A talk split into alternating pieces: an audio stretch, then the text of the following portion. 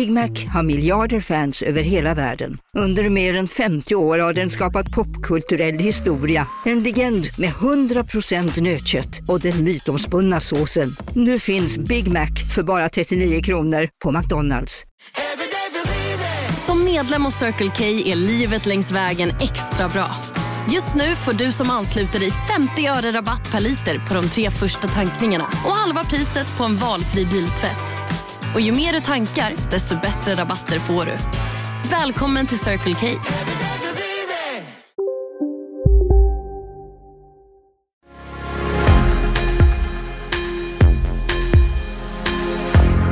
Det eskalerande gängvåldet beskrivs nu som Sveriges kanske största inrikespolitiska samhällsproblem. Svaret från politiken har huvudsakligen varit hårdare tag och strängare straff. Samtidigt talas det allt mer om att stärka det förebyggande arbetet. Men vad betyder det i praktiken? Vad är det för insatser som inte redan görs idag som i så fall skulle behövas? Och varför lyckas kommunernas socialtjänst inte stoppa fler unga från att välja gängkriminaliteten? Shiptaro Seko har jobbat inom socialtjänsten i Stockholm sedan 90-talet. I likhet med många av sina kollegor har han sett problemen fördjupas och gjort vad han har kunnat för att stoppa det. Varför har vi ändå hamnat här? Och vad för slags förebyggande behövs nu?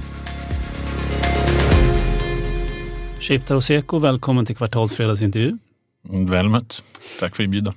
Jag hade en del med det att göra när jag jobbade på Sveriges Radio i, i mm. var väl i början av 2000-talet eller slutet av 90-talet. Mm. vi följde konflikten i Kosovo. Du var en rätt ofta återkommande intervjuperson då. Jag tänker inte att vi ska prata Kosovo här idag, men, men lite kort bara. Mm. Det verkar ju stökigare där nu än vad det har varit på ganska länge. Vad är det, vad är det som händer egentligen utifrån ditt perspektiv? Ja, egentligen från allas perspektiv är det ju är ganska enkelt. Hur man ska lösa det är ju svårt. Problemet handlar ju om att Kosovo har utropat sin självständighet. Det har eh, eh, bedöms av bland annat internationella tribunalen, FNs internationella tribunal i Haag, att det inte bryter mot folkrätt. Serbien erkänner inte den självständigheten. Och den konflikten får ju mera bränsle nu under Ukraina-kriget där ja, eh, länderna, eh, både Kosovo och Serbien kan så att säga dra i sina tåtar och göra, och göra gällande att man har lite mer att säga till om än, än i vanliga fall. Det och det är svårt för EU och svårt för internationella eh, så att säga, samfundet att kontrollera det här nu. Jag skulle just fråga det, likheterna med det som händer i Ukraina är ju slående. Alltså att det är en stat som, har, som vill gå sin egen väg och ett större land som den här staten tidigare har tillhört. Ja, ja. Eh, ser du en risk för en liknande utveckling eller har inte Serbien riktigt eh, de, de, de, de, har inte militära muskler att ha, eh, liksom, hota NATO. De, de, Serbiens eh, alltmer maktfullkomlige president Vucic han mobiliserar trupper och skickar dem till gränsen. Men det är ju, motsvarar lite som Mexiko eh, skulle skicka trupper till USAs gräns. Okay. Ungefär så. Och jag, har, jag gillar Mexiko, det är ett fint land, har varit där också. Och så där. Ingenting mot Mexiko, men, men det är ungefär samma hotnivå för, för NATO-trupperna i Kosovo. Så du tror inte att eh, det, vi behöver inte vara oroliga för att det plötsligt kommer att, att, att bryta ut ännu ett krig i Europa då med liknande förtecken? Det tror jag inte att det, är, att det händer så länge man har NATO-trupper i Kosovo och skyddar så att säga, Kosovos gräns mot, mot Serbiens revanschism. Däremot så har vi alla anledning att vara oroliga Dels för att det kan bli blodspillan på marken. Det kan liksom Kosovo-serber som också har rätt att leva ett, ett, eh, ett fredligt liv. Att de kan drabbas, att albaner kan drabbas i Kosovo och så vidare.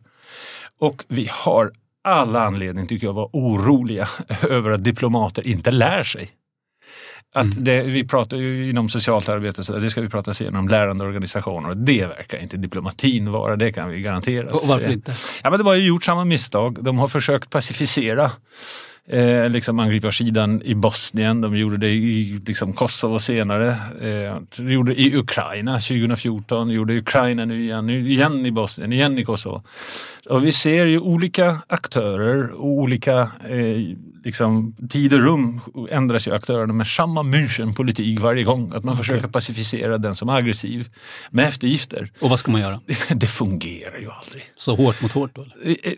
Nej, det behöver man inte göra, men om man, gör, om man är tydlig. Serbien vill till exempel ingå i, i EU. Allt det där andra snacket om att vi minsann har Ryssland att vända sig till, det vill inte det serbiska folket i grund och botten. De vill inte leva fattigt. De vill inte leva som ryssar gör i ryska landsbygden. De vill ingå i EU.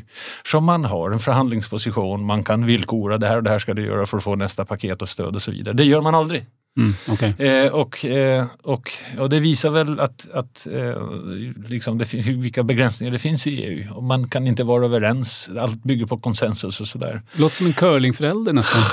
det är en lång väg att gå för EU att göra en gemensam utrikespolitik. Och vi ser ju nu med migrationspolitiken, så det är hur svårt som helst mm. att få dem här. Det är som att få ett gäng vilda hästar att kissa samtidigt. Ja, det lär ju vara svårt. Yeah. Du är född, om jag har läst på rätt, i Gakova, eller Gakove i Kosovo. Bra. Stämmer bra. Men du har levt större delen av ditt liv här i Sverige, eh, tror jag. Hur, eller? Ja, jag var 18 år när jag kom hit eh, och sen, nu är jag 52. Ja, så de, den som kan göra matten delen. Eh, mm. inser att jag har rätt i det. Hur, hur, kom det sig att det blev Sverige för din del?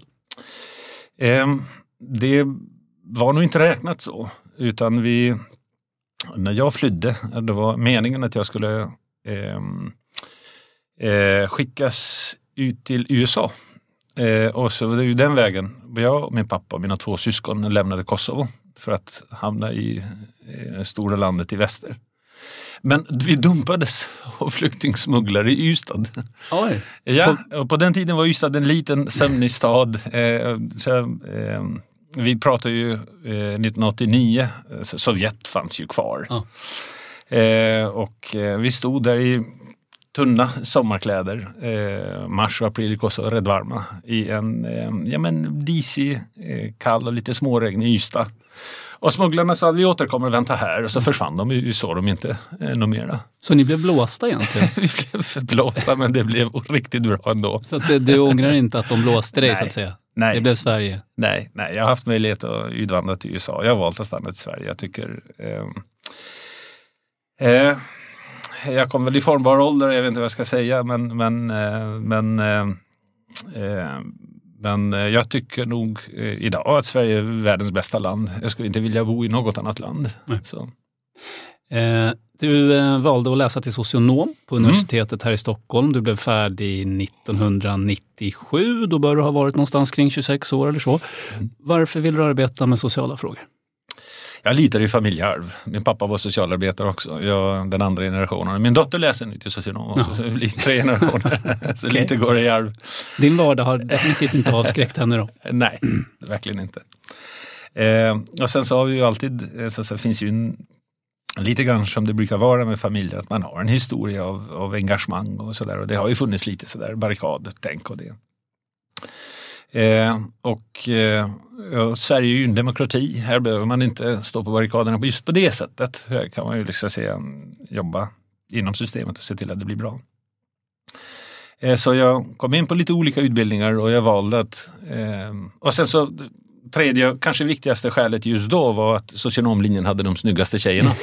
okay. så det bidrog det? starkt. Har de inte det längre? Eller ja, det vet jag inte, det var länge sedan. Okej, okay, så det spelade in i valet? Men jag gav, ja, det är klart att det spelade in. Ah, ja, ja. Eh, så jag gav, jag gav det två terminer och den vägen är det. Mm -hmm. eh, blev det sen som du hade tänkt dig då? Eh, det här arbetet som du utbildade dig till? Ja, både ja och nej.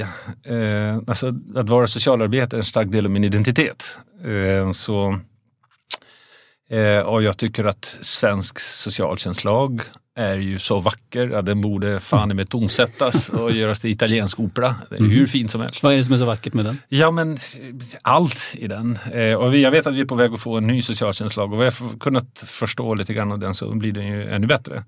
Men mycket betoning på frivillighet, mycket betoning på nej, lite social rättvisa i det. Det är ju eh, det är ju en, en välfärdsmodell som inte bygger på välgörenhet. Det inte bygger på, att, eh, på filantropi på det sättet utan man bygger på att man har den rättighetsstat och att man eh, per definition inte vill ha för stora klasskillnader för man inser att det bidrar till instabilitet och så vidare. Så man vill, och framförallt det rättvisa tanke bakom det. Mm. Eh, och, och, och sen så om man jobbar inom svensk offentlig sektor som jag har gjort till exempel inom Stockholms stad, om man läser de policydokument och vad man, är, vad man eh, eh, avser att göra med staden. Vad man har för ambitioner, vad man har för målsättningar och vilken stad man vill ha. Det är, så det är otroligt fint. Mm. Det är otroligt bra. Det är hög liksom, nivå av eh, ja, men medmänsklighet och humanitet i det. Och en, en, en, en vision av ett gott samhälle eh, som, som, eh, som man vill ha. Eh, som man är beredd att, att lägga ner arbetstimmar på och så vidare. Mm. Så det är svårt att inte bli såld.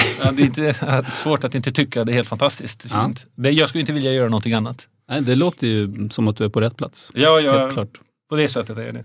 Vad var mest annorlunda tycker du i Stockholm då, då eh, för en 25 år sedan när du blev klar jämfört med nu?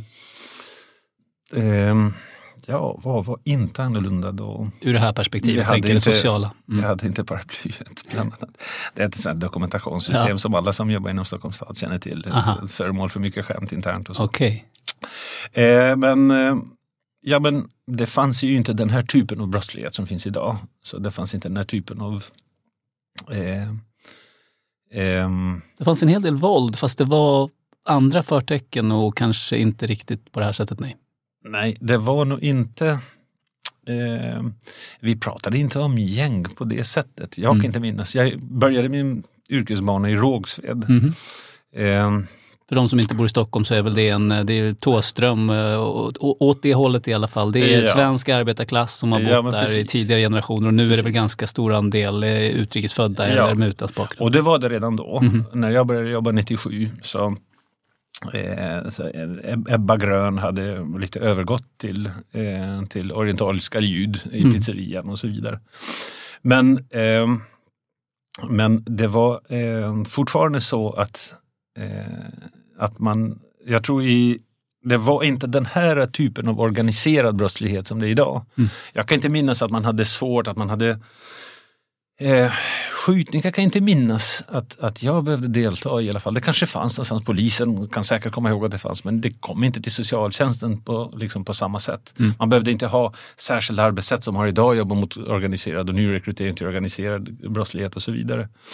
Eh, så det är väl, det är väl den, den, kan man säga, den stora, den stora förändringen. Mm. Man hade, tror jag, också lite mer pengar. På gott och ont. Mm. För man beviljar väl kanske en del som inte var så smart att bevilja kan man tycka i efterhand. Som till exempel? Ja men vi vet ju idag mycket bättre hur motivationen fungerar. Liksom. Det här med socialt arbete utvecklas också i teorin och så där. Vi, mm. vi har forskning och fakta som kommer. Men idag jobbar vi mycket mer evidensbaserat. Det var mycket mer magkänsla förut, vilket ibland kan tolkas som att jag tycker så bara. Mm. Eh, och det är ju så. Idag har vi, vi jobbar mycket mer med evidensbaserade arbetssätt. Men eh, att man kunde bevilja till exempel behandlingshem eller så till folk som inte var riktigt redo med det, men som skrek efter det för att mm. deras nätverk tvingar dem till det. Det är dumt. Mm. Beviljar du till en eh, person som inte är riktigt där någonting som den inte kan tillgodogöra sig så är det ju nästan som att ge en tändsticka och bensin och be dem att bränna sitt skepp. För man, ingen kommer efterhand och säger att jag var inte där. Alla säger att det här var ingenting för mig. Så man bränner helt behandlingsmetod eller någonting som under andra omständigheter hade kunnat vara hjälpsamt. Eh, om, man, om man ger det för tidigt. Idag kan vi mycket mer om sånt. Vi kan motivationscirkeln och vi försöker tajma in så att det är rätt och så vidare. Mm. Så, så det var lite på gott och ont som sagt att vi hade också mera pengar. Idag är du chef för socialtjänstens vuxenenhet eh, mm. här, här, i huvudstaden. Då. Vad innebär det konkret? Jag är enhetschef för en eh, vuxenenhet i, i Hässelby-Vällingby stadsdelsförvaltning, så mm. en, en av de större ja. stadsdelsförvaltningarna i, på västerort. Ja, och då eh, ja, men chefar man över eh, vuxenenhet är lite som ett lapptäcke eh, och då finns det missbruk i huvudsak. Eh, det finns så att säga eh, relationsvåld. Eh, och så finns det att ja, man organiserad brottslighet och det är att hjälpa med avhopp och försöka förebygga nyrekrytering till, till kriminella nätverk. Och du är chef för en, ett team då eller en grupp så att säga? Ja, Stockholms stad, eh, sju eh, nu var de sju förut, nu efter sammanläggningen av eh, Rinkeby, Kista, Spånga, Tensta är vi kanske sex då. då. Eh, stadsdelar som har ett, eh, ja, men ett sätt som är närmast patenterat för Stockholms stad som okay. heter social insatsgrupp. Eh, det är ett sätt där man försöker rikta in sig på ja, men att motivera till frivilliga avhopp och så. Får man komma ihåg att det här är inte tvångsvårdslag, så vi har inte tvångsmedel där. Men vi kan försöka motivera till det. Just för att de är vuxna så Ja. måste de vara med på det. Så att Ja, säga. ja. Jag tänkte vi ska gå rakt in i, eh, i nuet helt enkelt. Ja. Idag häktades de två männen i 20-årsåldern som greps strax efter masskjutningen i Farsta i lördags. Den misstänkte skytten han avlossade ett 20-tal skott med ett automatvapen. Jag låg ju här och skrek. Förbannade jävla, jag vet inte vad jag skulle benämna dem. Att de bara skvätter sina jävla kulor. Mm, så där lät det när ett anonymt eh, offer från masskjutningen i Farsta, eh, södra Stockholm, intervjuades av Sveriges Televisions Rapport. Det har väl gått snart två veckor sedan två personer dödades, ytterligare två skadades i det här dådet. Och, och det är mitt i den stora tragedi som det redan är närmast ett under får man väl säga, att inte fler skadades och dödades med tanke på hur det gick till. Och liknande dåd har inträffat tidigare i Kristianstad och i Göteborg för att ta två exempel. Hur gick dina tankar när du nåddes av den här nyheten? Ja, det var ju förfärligt eh, och nedgörande att höra det. Jag har ju bott under många år i Farsta. Flyttade faktiskt därifrån eh, i år, eh, nyligen. Så du har rätt bra koll på hur det har utvecklat sig? Ja, ja, Mm. ja. Eh, och jag har också jobbat i Farsta stadsdelsförvaltning under, under 14 år.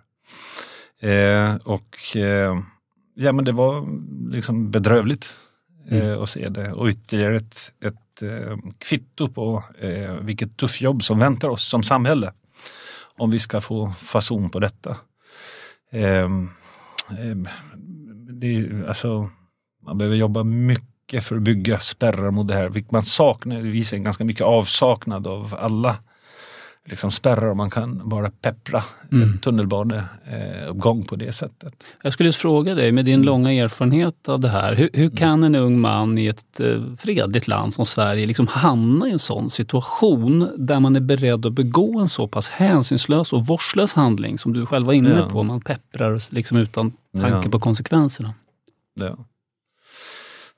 Ehm, eh, om man, låt oss, ja, vi skulle kunna göra så här, vi skulle kunna, för det är ju en jättebra fråga du ställer. Mm. Här bor man i världens fredligaste land eh, med, med i, för, i och för sig ökad eh, ojämlikhet men från låga grundnivåer. Mm. Så om eh, häft, häft, liksom, många möjligheter att börja om på ny kula, möjlighet att läsa på komvux, möjlighet att starta om sitt liv egentligen hur många gånger som helst, som sporras till det till och med. Ett land med kollektivavtal, bara en sån sak, med hyresrätt reglerad i lagen. Hur kan i detta land bli så hänsynslös? Och då tänker jag, då är det viktigt att titta på vad, vad har man sett när man har tittat på de här typen av, av förövare? Eh, eh, och, och, och nu generaliserar jag naturligtvis i grova du. drag. Mm. Det måste man göra i de här lägena. Men det man ser att rätt ofta är det inte folk som är okända av samhället. Rätt många gånger har man sett problem redan i tidig ålder. Hur tidigt? Vi har, ja Alltså- men tidigt, redan när man var barn. Mm. Eh, det är vanligt att man har eh, liksom inlett utredningen inom socialtjänsten. Man jobbar med frivillighet gentemot föräldrarna förstås. Och återigen, socialtjänstlagen är en fin lag därför att det bygger på frivillighet. Vi har en historia av myndighetsövergrepp mot människor i det här landet så därför är frivilligheten väldigt viktig. Vi har många av dem också utretts för de undantag, strikt lagligt reglerade undantag från frivilligheten, det är tvångsvårdslagarna. Många har utretts för det också, svårighet att gå skola och så vidare. Eh, och, och, eh, och ett utanförskap. Så det är, märklig, det är ett märkligt bäst det här utanförskapet därför att det biter där det gör ont. Utanförskapet säger att du tillhör inte. Du är inte en av oss. Jag är inte en av er, säger utanförskapet. Och vad är det som Eh, definierar det där utanförskapet då? då? Ja, eh, ja men, vi vet ju att det finns ett samband med socioekonomiska, det går inte att komma runt det, det är klart. Ju mer man har, ju, mer, ju, mer, ju gott, godare ställt har man det, så desto mindre känner man utanförskap. Och så, det är ju liksom en grund. Men det räcker inte med det. För vi har andra målgrupper i samhället som lever under, liksom, vi har ju till exempel romer och så vidare. Och vi ser inte samma typ av eh, aktiviteter där. Och eh, Eh, så, så också en typ av, ja men vad ska man kalla det, liksom ja, vad, vad sätter man fingret på? Mm. Liksom lite, att man inte tillhör, tycker man kulturellt eller eh, samhälleligt, att man inte tillhör Ja, det här är inte mitt samhälle på något vis. Man är uppväxt med det eh, och, eh, och att man känner sig som förlorare från början. Och vad kom, för det där ja. tror jag är jätteviktigt, men var kommer ja. de tankarna ja. ifrån? Kommer de från majoritetssamhället? Kommer de inifrån minoritetssamhället? Eh. Ja, eh, den som visste det. Eh, ja, men vi kan ju spekulera. Eh, så jag kan tänka mig att om man, om man, om man kommer med eh, och har trötta föräldrar som är liksom arbetslösa eller låg, jobb med låg status, för status handlar det väldigt mycket om. Mm. Eh, och man ser att de sliter dag in och dag ut eh, och jag menar, det blir svårare att komma upp. För det, har, det vet vi att vi har svårt. Svensk skola till exempel har svårt att hjälpa elever att göra klassresa. Mm. Eh, någon har jämfört och så vidare. Vi har ju svårare i Sverige att göra klassresa inom utbildningssystemet än vad man har i Turkiet. Bara en sån mm. sak. Vi var ju bra på det förr. Var för, förut var det bra. Nu är det inte lika bra. Barn till akademiker pluggar vidare, barn till de som skulle plugga vidare. Och de som inte spelar ingen roll hur duktiga, de, det händer inte. Skolan kompenserar inte för det som är hemmet. Mm. Och om man, om man, eh, eh, och om man kommer från, dem, från dessa eh, sammanhang också, om man kommer vi har ju också fått ett samhälle som har haft mycket kollektivistisk syn till ett samhälle mycket mer individualistisk syn. Okej, det här är ju verkligen har varit en sån som majoritetsbefolkningen har drivit igenom. Det är ju politiska partier i landet som har drivit igenom detta. Mm. Eh, men, men det medför konsekvenser. Eh, därför att eh, det är ju också en utveckling som, som indirekt så att säga, rättfärdigar till att ja, jag bör ta saken i mina händer, jag ordnar det själv. Mm. Så, så när, när, man, när, när, när eh, när, när man går från en liksom, större grad av kollektivism mot större grad av individualism så händer ju det även för dessa människor. Kan det vara så att det kollektivistiska byggde delvis på en etnisk och kulturell homogenitet? I alla fall gjorde det lättare ja. så att säga. Ja, eh, Medan nu individualismen paras med att Sverige också är mycket mer mångfaldigt vilket gör då att folk ja. känner det här utanförskapet på ett sätt som man kanske inte gjorde på samma sätt ja. förr. Ja, Uppenbarligen gör ju det. Mm. Eh, vi vet ju hur det ser ut med Brås undersökningar och sådär. Så att uppenbarligen gör ju det. Mm. Men det räcker inte som hel förklaring. Eh, för jag tänker till exempel, har man ju tittat på vad är det som, vad är det som har varit bra integrationsarenor? Mm. Eh, och, och, Sverige hade ju en, en eh, arbetskraftsinvandring tidigare till exempel. Eh, och, eh, och då vet man att, att folk gick in i jobb tämligen omedelbart. Det bidrar lite till självrespekten och så vidare. Det bidrar till att man upprätthåller så att säga, ja, men föräldraauktoritet i hemmet och så vidare. Eh, och, eh, och då var det arbetskraftsinvandring kanske, inte flyktinginvandring på samma sätt. Och eh, man, man, till, till, exempel på Göteborgs universitet har man tittat på den roll som förskolorna spelar i, i socialisering och eh, ja, men integration. Det är ju ett av de viktigaste arenorna som vi har i landet för att integrera. Mm. För att lära normer och värderingar på ett lekfullt sätt till kommande så att säga, medborgare i samhället. Men inte obligatoriskt än så länge? Det, det, är ju det, saker har hänt. Mm, det, bli, det, var mycket mm. tydligare mm. förut men mm. vi har infört vårdnadsbidrag ja. till exempel. Det här vårdnadsbidraget används, vem använder det? Det har vi ju tittat på gång på gång och vi ser ju att de som använder vårdnadsbidrag kanske är de som vi allra mest skulle vilja att, att man lämnade barn till, till förskolan. Om jag får bromsa det där bara så att vi inte kommer för långt ifrån. Eh, för, att, för att det, det, är ju precis så som du säger men de allra flesta människorna som har upplever det här och som lever i den situationen begår ju inte den här typen av dåd. Så att om vi, eh, de allra flesta är laglydiga och så vidare. Ja. Om vi tittar då på den här gruppen som ja. du ändå har stött på genom åren. Vad är mer specifikt för den förutom det som du hittills har, har räknat upp då med utanförskapet ja. och, och svårigheterna i skolan och allt det där? Ja men en, en eh, kanske en hopplöshet. Det finns ju eh, eh, från deras perspektiv så ser de inte ett sätt att lyckas och få ja, men respekt och få ett gott liv eh, om de skulle göra samma sak som föräldrarna gjorde. Mm. Eh, det finns, man, tittar man runt omkring så har man kanske svårt att se lyckade exempel. Mm. Eh, och, eh, och så finns det andra lyckade exempel från andra hållet. Vi vet ju att det finns idag en, en eh, en romantisering av våldet och romantisering av kriminella livet och vad det kan ge i form av statussymboler och så vidare. Och det har man tillgång till. Man får komma också ihåg att den processen börjar tidigt. Vi pratar om barn eh, i princip. Mm. Alla, liksom svensk bemärkelse, alla under 18 år barn. Men, men frontalloben är ju inte färdigutvecklad mellan, till åldern mellan 21 och 24. Så vi börjar ju tidigt när barnen är som mest mottagliga. Mm. För, eh, och de sköljs över av, ja, men av eh, av, av in, anspelningar på vad som ger status. Men det här måste ju också vara någonting som har hänt under dina 25 år inom ja. socialtjänsten. För så var det väl inte på 90-talet, början av 2000-talet att, att det här drog, eller vad säga, gangsterromantiken var så pass utbredd som den är nu, eller? Jag kan inte minnas att det var det. Nej. Nej. Um, jag kan inte minnas uh, att det var det. Och nu pratar jag verkligen, jag känner som att jag tassar på tår därför mm. att jag vet att varje gång man har, för jag vet att mycket av till exempel har pratats om gangsterrap och så jo. vidare. Men vi, om du går tillbaka, man tänkte exakt samma sak om Elvis, man ja. brände hans skivor. ja, ja. Så det är svårt faktiskt att veta. Hej, Synoptik här. Livet med glasögon ska vara bekymmersfritt. Därför får du 30% på alla glasögon när du väljer Synoptik All Inclusive. All service ingår alltid. Välkommen till Synoptik. Hej, Susanne Axel här. När du gör som jag och listar dig på en av Krys vårdcentraler får du en fast läkarkontakt som kan din sjukdomshistoria. Du får träffa erfarna specialister, tillgång till lättakuten och så kan du chatta med vårdpersonalen. Så gör ditt viktigaste val idag. Lista dig hos Kry.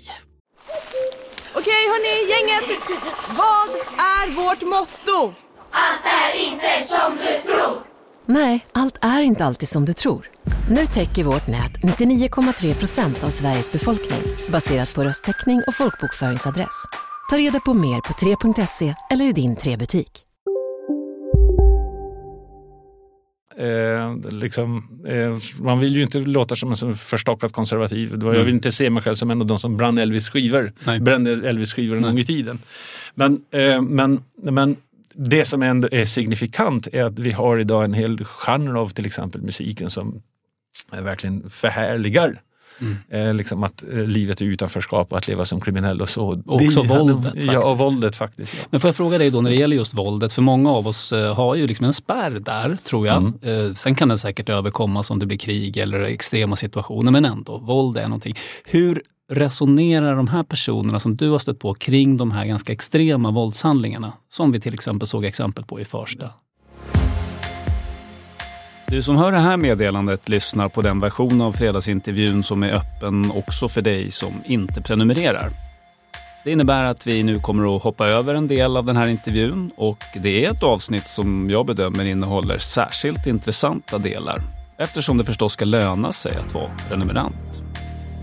Det du missar som icke-prenumerant nu är för det första förstås svaret på frågan du just hörde, hur de klienter som Shiptar och Seko har mött resonerar kring sina ofta ganska extrema våldshandlingar. Vi för också ett resonemang om invandringens betydelse för utvecklingen av gängvåldet och så beskriver Shiptar och Seko mer i detalj hur det förebyggande arbetet är tänkt att fungera.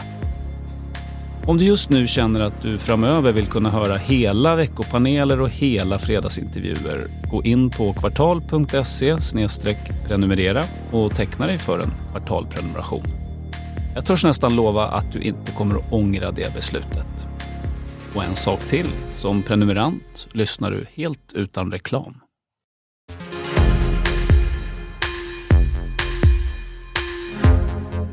Som jag sa i inledningen så är det ju väldigt konkret vad man vill göra när det gäller skärpta straff och visitationszoner och alla de här mm. hårda tagen. Mm. Man pratar också om att vi måste stärka det förebyggande arbetet mm. och jag försöker ju då liksom nysta i vad, vad skulle det kunna vara då? För du beskriver ju det som görs. Mm. När du hör det där, vad är det, vad, hur låter det i dina öron? Vad menar de med stärkare förebyggande? Vad är det som ska göras som inte görs idag? Ja, vad menar du med eh, strängare straff till att börja med? Ja, men det är i Alltså, alla fall konkret. Det blir strängare straff. Ja, men vad säger evidensen kring det? För Ja, det vi socialtjänsten har ju hela tiden kravet på evidens. Jag ska tycka att politiker ska, ska leva som man lär. Ja. Det ska vara intressant om man tittar också på evidensen. Mm. Vad ger? Man har ju tittat till exempel från Sydamerika. Mm. Att, krimin- att en sån här tung beväpning och poli- militarisering av polisen och så leder ju mera till mera eh, allvarligare brott mot själva polisen eftersom gängen beväpnar sig mer också. Mm.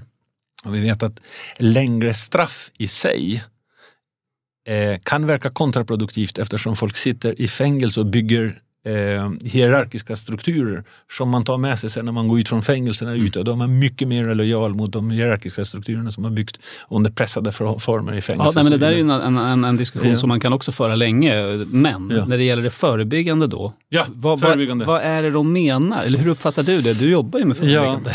Ja, ja men ehm, ja, man kan ha lite olika uppfattningar vad som är liksom förebyggande. Eh, och jag kan berätta vad jag skulle vilja ha som förebyggande mer. Mm. Vi, vi, Eh, vi kan ta det allra sist, för det tycker jag är Ja. jätteintressant. Ja. Men just det här, om man nu säger, det här är ju ett mantra i den Ja. politiska debatten, nu Ja. ska vi satsa på det förebyggande arbetet, det måste bli bättre. Vad, vad, kan man, vad finns det för rattar att skruva Ja. på? Liksom? Det här är en svår diskussion eftersom det man möts, särskilt om man jobbar inom socialtjänsten, är att det här har vi gjort förr. Mm. Eh, och då tappar man luft lite grann när man pratar om det. Men eh, vi vet inte vad vi hade haft idag om vi inte hade gjort det som vi har gjort förr. Nej. Det kanske hade varit ännu värre. Det kan fullt möjligt att det faktiskt hade varit värre. Så eh, när man talar idag om förebyggande, man tänker nog ganska mycket, inte bara socialtjänst, man tänker till exempel skola. Eh, att skolor måste ha skolsocionomer, skolor måste verkligen göra sitt uppdrag korrekt. Man måste st- liksom göra mer för att hjälpa de barn som behöver hjälp för att klara av skolan oaktat vad de har för familjebakgrund. För det är banne med skolans uppgift. Mm. Skolan kan inte skylla på föräldrar. Vi har länder där föräldrarna har färre, mindre utbildning och har sämre ekonomiska förutsättningar och barnen gör klassresa mer. Varför lyckas skolan i de länderna och lyckas inte i Sverige? Det är en viktig fråga som skolan måste ställa sig. Och mycket av det förebyggande arbetet måste göras i skolor därför det är där vi har barnen åtta timmar om dagen, fem dagar i veckan. Jag vet inte, men jag gissar att om en skolledare nu lyssnar på det här, för det kommer säkert vara flera skolledare som lyssnar, så kommer de bara känna åh, Ja, skolan måste vi som lösa har alla så problem. Ja, exakt. Ja, så, så vad säger du till den rektorn som tänker så? Ja, alltså ehm, ehm, jag säger att det är, det, det är detta som är jobbet. Okej. Skolan ska ge akademiska kunskaper och skolan ska ge verktyg som behövs för att barn ska klara klassresa. Det, det, det här är den sista försvarslinjen. En skola som abdikerar från någon av dessa två har gett upp sitt samhällsansvar. Gör inte det som skolan ska göra, i mitt tycke. Och det är en del av det förebyggande arbetet då? Ja, ett- vad, ett- jag, tror inte att det framförallt är det politikerna syftar på, även om du säkert har eh, många poänger i Ja. det där. Eh, Jag tolkar det som att de snarare pekar på, på din Men när man pratar, man pratar om förebyggande arbete Mm. så är det som en, eh, det är som en upp och nervänd pyramid. Så man pratar förebyggande generellt och då är förebyggande insats som kommer hela befolkningen till nytta och som ser till att det inte uppstår riskfaktorer. Och då är det ju eh, bra skola är till exempel en generell förebyggande åtgärd. Eh, att det finns en eh, men eh, jag kan tänka mig att en del diskussion om normer och moral Offentlig normer och moral och hur gör man? Varför har andra länder till, till exempel civic education? Det borde vi kanske Så att ha man skulle också. ha det i skolan då? Ja, men till exempel så skulle kunna vara en del av, av det som är som, så, så förebyggande är ju i, på generell nivå. längst ner i omfattar, pyramiden. ja, om- omfattar, omfattar hela befolkningen Mm. för att motverka att det uppstår riskfaktorer. Sen finns det ju lite lägre och då är ju pyramiden har blivit lite trängre mot riskgrupper. Man vet vilka riskgrupper vi har och så vet man, okej, eh, har man svårt med skolan till exempel? Har, finns det eh, arbetslöshet hos föräldrarna? Eh, eh, finns det liksom kulturell eller annan utanförskap? Okej, eh, vad vet vi? Var uppstår våld mer? För det finns ju en koppling av tidig socialisering med våld. Så när uppstår våld i nära relation lite mer? Det uppstår vid skilsmässor, det uppstår vid till exempel vid graviditeter. Och det uppstår, då vet vi ju det, vilka riskgrupperna är. Mm. Så, så, så förebyggande insatser där. Görs inte det redan då? Ja, ja alltså det görs i olika eh, grad. Så det skulle man kunna stärka, ge, ge mer resurser eller? Om man pratar om att vill för, stärka det förebyggande så är det ju det som Mm. måste ske. Återigen, vi pratar inte om socialtjänst uteslutande här. Nej. Utan vi pratar till exempel mödravård, vi pratar barnavårdscentraler, vi pratar ja, skola igen. Det är helt oundvikligt. Mm. Det går inte att gå runt Nej. skolan när man pratar om det här. Men vi pratar vanliga vårdcentraler och så vidare. Och sen så har vi toppen på pyramiden. Då är det inte bara riskfaktorer, då vet vi att det här är riskgrupp. Där kommer socialtjänsten. När man pratar förebyggande, det är också naturligtvis socialtjänsten där. Mm. Och vi pratar om eh, eh, möjlighet att ge, ja men Eh, och där behöver kanske socialtjänsten också bli bättre på att hitta sätt att komma in eh, i de här familjerna. För att om vi pratar till exempel om, eh, med, om man jobbar med sociala insatsgrupper och så, så här i Hässelby Välling, vi jobbar ju mycket med anhöriga eh, för att den vägen komma in. Och vi ser att det finns många mammor, många systrar. Eh, vi har lite svårare att få tag på lillebröderna mm. och så. Och, återigen, det här är på flera nivåer. Mm. Varför har vi det? Jo men det finns en machism och det finns en liksom, stark manskultur som gör det lite lättare att nå kvinnorna i den med familjen, mm. lite svårare att få männen. Nu när vi har den här äh, retoriken i samhället om mm. strängare straff och hårdare tag och de ska sättas åt och sådär. Gör det er förmåga, möjlighet att skapa relationer och förtroende med familjerna som, som ni behöver då, vars förtroende ni behöver. Har det blivit eller riskerar det att bli svårare? Jag anser mig själv vara lite realist kring det. Jag mm. kan inte tycka att, att det är både och faktiskt. Jag kan mm. inte helt tycka att det är fel. Eh, därför att all motivation är motivation. Så naturligtvis, sockret, det bästa som finns, det är inre intrinsisk motivation. Jag vill förändra därför att jag vill ha, bli bättre människa eller sådär. Mm. Okej, okay, vi Homo sapiens, igen, back to basics. Det är inte så vi fungerar. Det måste bli lätt att göra rätt och det måste bli riktigt svårt att göra svårt. Och där är det ju så att om man höjer priset eh, för, att, eh, för att agera fel så skapar det motivation indirekt. Och hur, höjer man, hur höjer man priset för att göra fel? Ja, men, jag tänker sådär att att hela den här diskussionen av eh, hårdare straff kontra, eh, kontra förebyggande är lite skendiskussion. Båda behövs. Ah, okay. Vi måste gå med bägge benen. Så det är klart att det måste vara lättare att gripa in när man vet eh, eh det är svårt att agera förebyggande till exempel för socialtjänsten. Det är svårt att prata, att motivera till avhopp om det finns starka gestalter som är tungt kriminella som kan hota och, för, och, liksom, och förhindra det sker. Naturligtvis måste polisen där och lagföra och de måste få de verktyg som de behöver. Mm. Självfallet är det så. Eh, för att det behövs.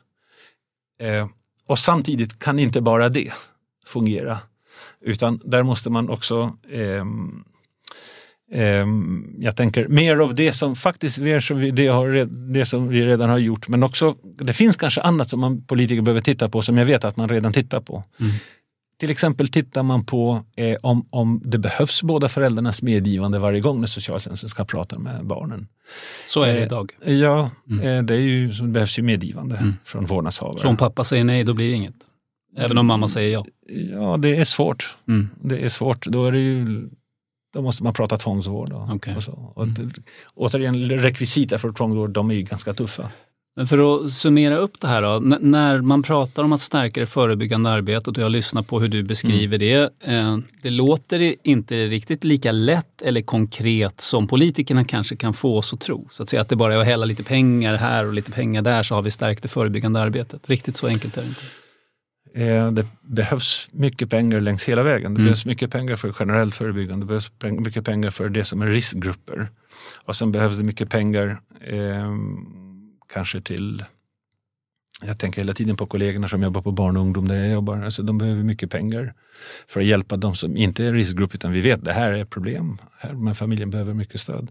Och det är, inte, det är inte lika enkelt men jag menar vill man ha enkla lösningar, då får man läsa en deckare. Okej, okay, men det du säger är, ja, ja. jo, det behövs mer pengar också. Ja, alltså det, Ni har brist på pengar. Det är så jag ja, och jag skulle vilja sätta det i ett sammanhang mm. om jag får. Mm. Så vi pratar ju mycket om att stärka till exempel försvaret och så. Men, men när, man, när man pratar om det, måste viktigt att förstå att ett samhälle som fungerar är ju i sitt eget försvar.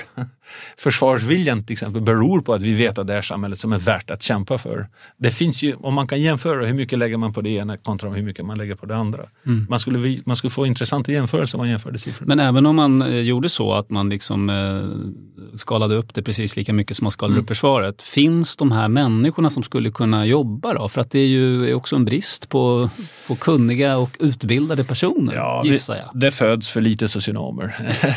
det, föds, det föds för lite eh, brandmän, det föds för lite, eh, Mm. för lite lärare och vi har ju ett, ett, liksom ett demografiskt problem. Men vi har möjlighet att jobba med kanske med teknologi på ett annat sätt. Vi har möjlighet att en ny socialtjänstlag är på väg som ska skala av en del av en del av administrationen så Mm. att socialarbetare inte sitter och fyller i beslut lika mycket som förut utan kan jobba mer med människor. Det är det man är tränad och utbildad för. Så Mm. det finns ju lite ansatser att lösa de här. En dramat med socialtjänstlagen är att volymen av tjänster som socialtjänsten ska göra har ökat. Men vi har ju fallande demografi. Så vi alla, alla olika branscher kämpar om samma människor hela tiden för att locka dem över till, till att jobba med sig. Och det är ett problem. Det, så kan vi inte lösa det. Innan, innan vi, vi rundar av med att du ska få, få liksom ge din önskelista, så här tycker jag att det borde funka, så tänkte jag att vi ska göra en retrospektiv utflykt. Eh, gå ungefär eh, fem, eh, sex år tillbaka.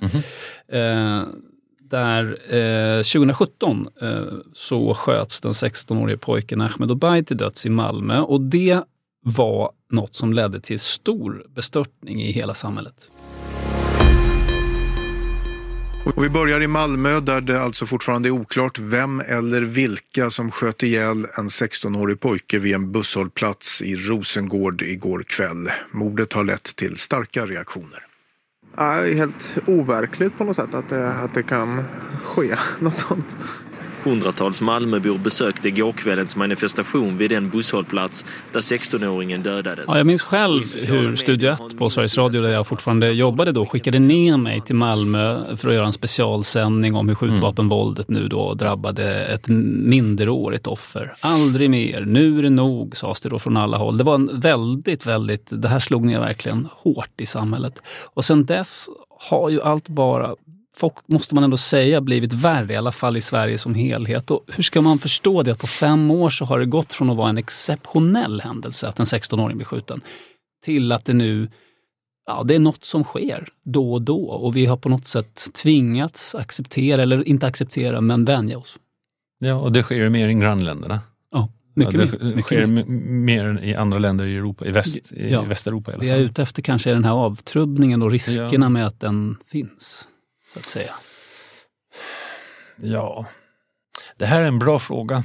Därför att man kan inte säga att politiker inte säger att de inte har sett det. Eh, Men, eh, men det är svårt att förändra ett samhälle. Det är svårt att förändra den här balansen mellan skyldigheter och rättigheter som vi har eftersom man kan inte stifta så att säga, vi måste hela tiden stifta generella lagar eh, och, eh, och vi vill ha ett öppet samhälle. Så jag, jag har respekt för att det är ett tungt jobb för politikerna. Man måste få folkflertalet med att ja, till exempel skärpa lagar och så vidare.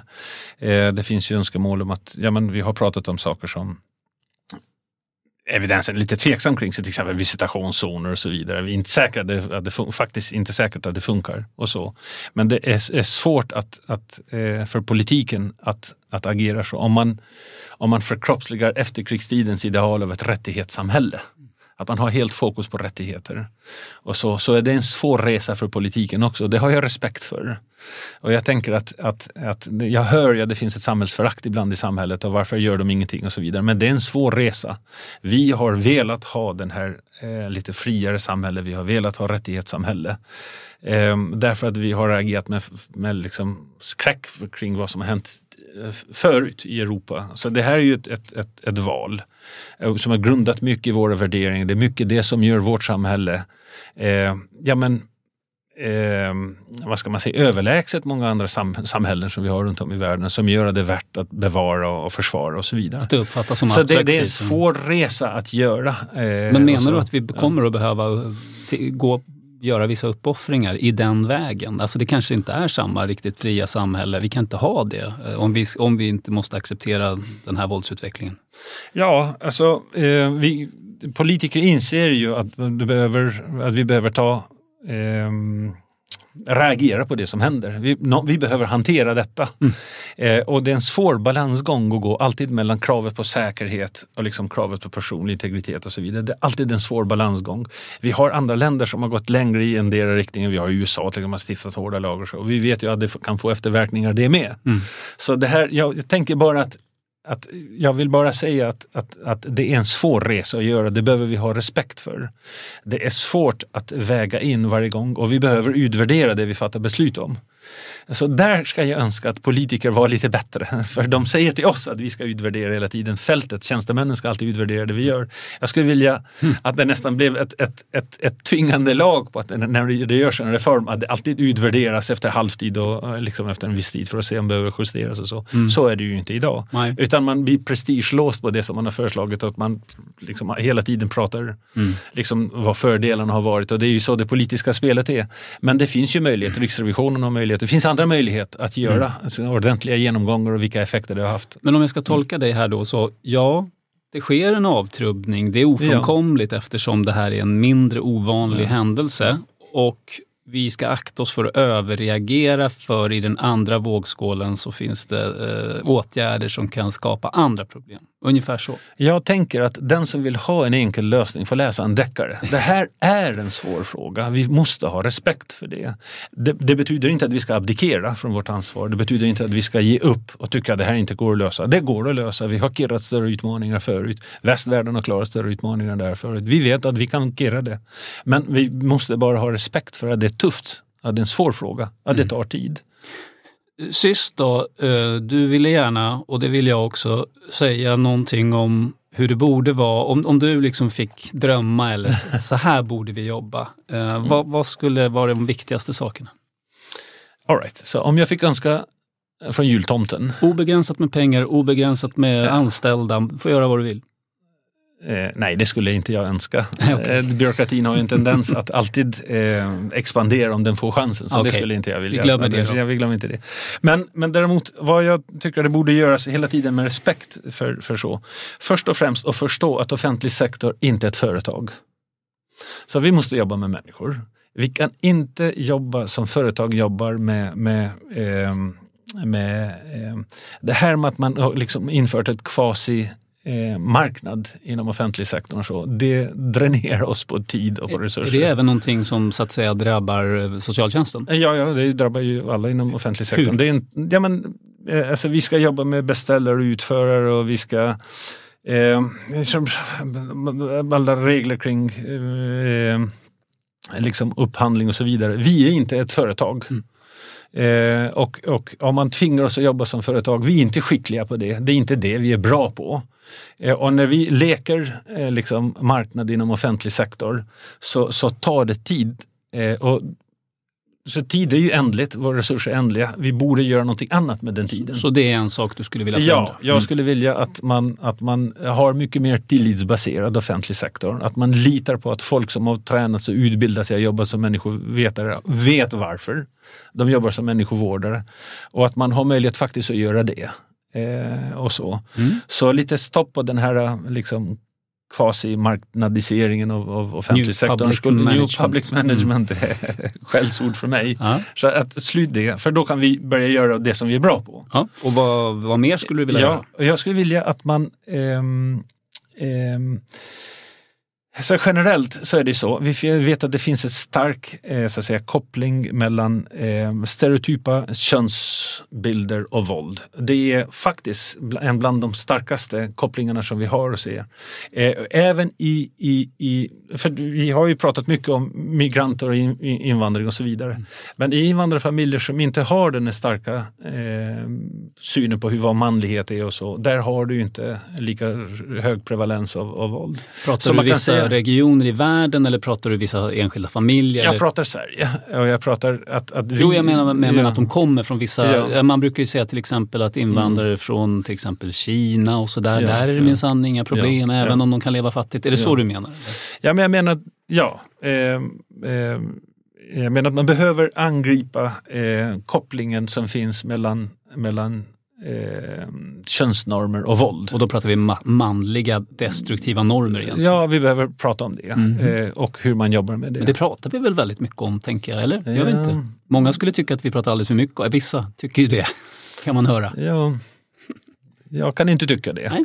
Nej. Eh, jag kan tycka att det finns, eh, det finns i vårt samhälle möjlighet att dra sig tillbaka i egna skolor och möjlighet att dra sig tillbaka i egna hemmet och så vidare där man inte behöver konfrontera de frågorna. Okej, så mer fokus på det tycker ja. du? Och, ja, om vi pratar förebyggande hela tiden. För jag tycker vi. parallellt hela tiden att Mm. det behövs ja, tydligt polisiärt arbete och lagföring av kriminella. Ja. Det tycker jag. Jo. När vi pratar om det som är förebyggande så är det det. Eh, eh, och eh, att man har eh, att man jobbar med fördelningspolitik mer ambitiöst. Alltså för att minska klyftorna via Ja, för att minska klyftorna. Eh, bland det första sociologiska arbetet som bedrevs var Emil Durkheim heter han, han är ju en sån klassiker, sociologins fader. Första jobbet som idag heter sociologi är att titta på vad är det som bidrar till kriminogena eh, faktorer. Vad är kriminogena faktorer?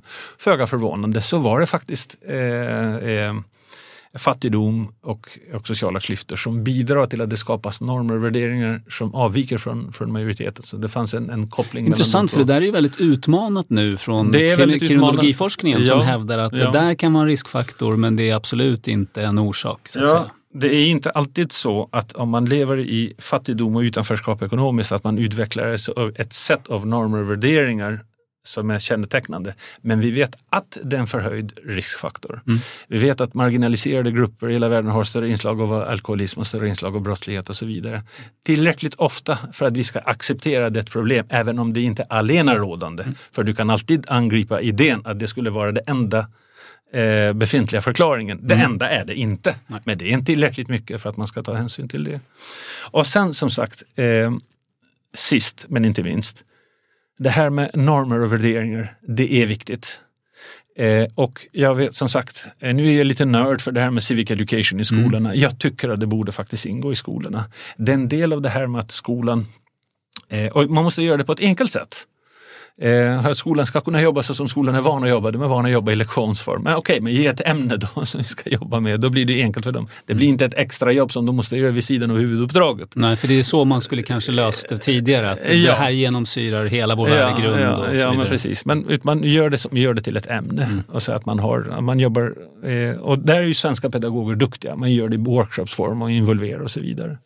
Så de här fyra sakerna skulle jag önska som ett, ett sätt att, att, att jobba Jag förebyggande. sammanfattar då, bort med New Public Management, eh, offentlig sektor ska inte leka marknad, eh, mer fokus på destruktiva eh, manlighetsnormer Mm. eh, vill du ha och du vill att man ska adressera klyftorna, en mer Mm. ambitiös omfördelningspolitik och eh, skolan ska införa Ja, så civic kallad education. civic education.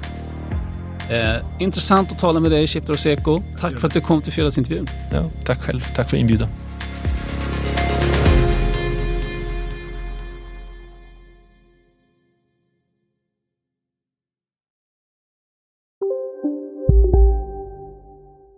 Redo för sportlovets bästa deal?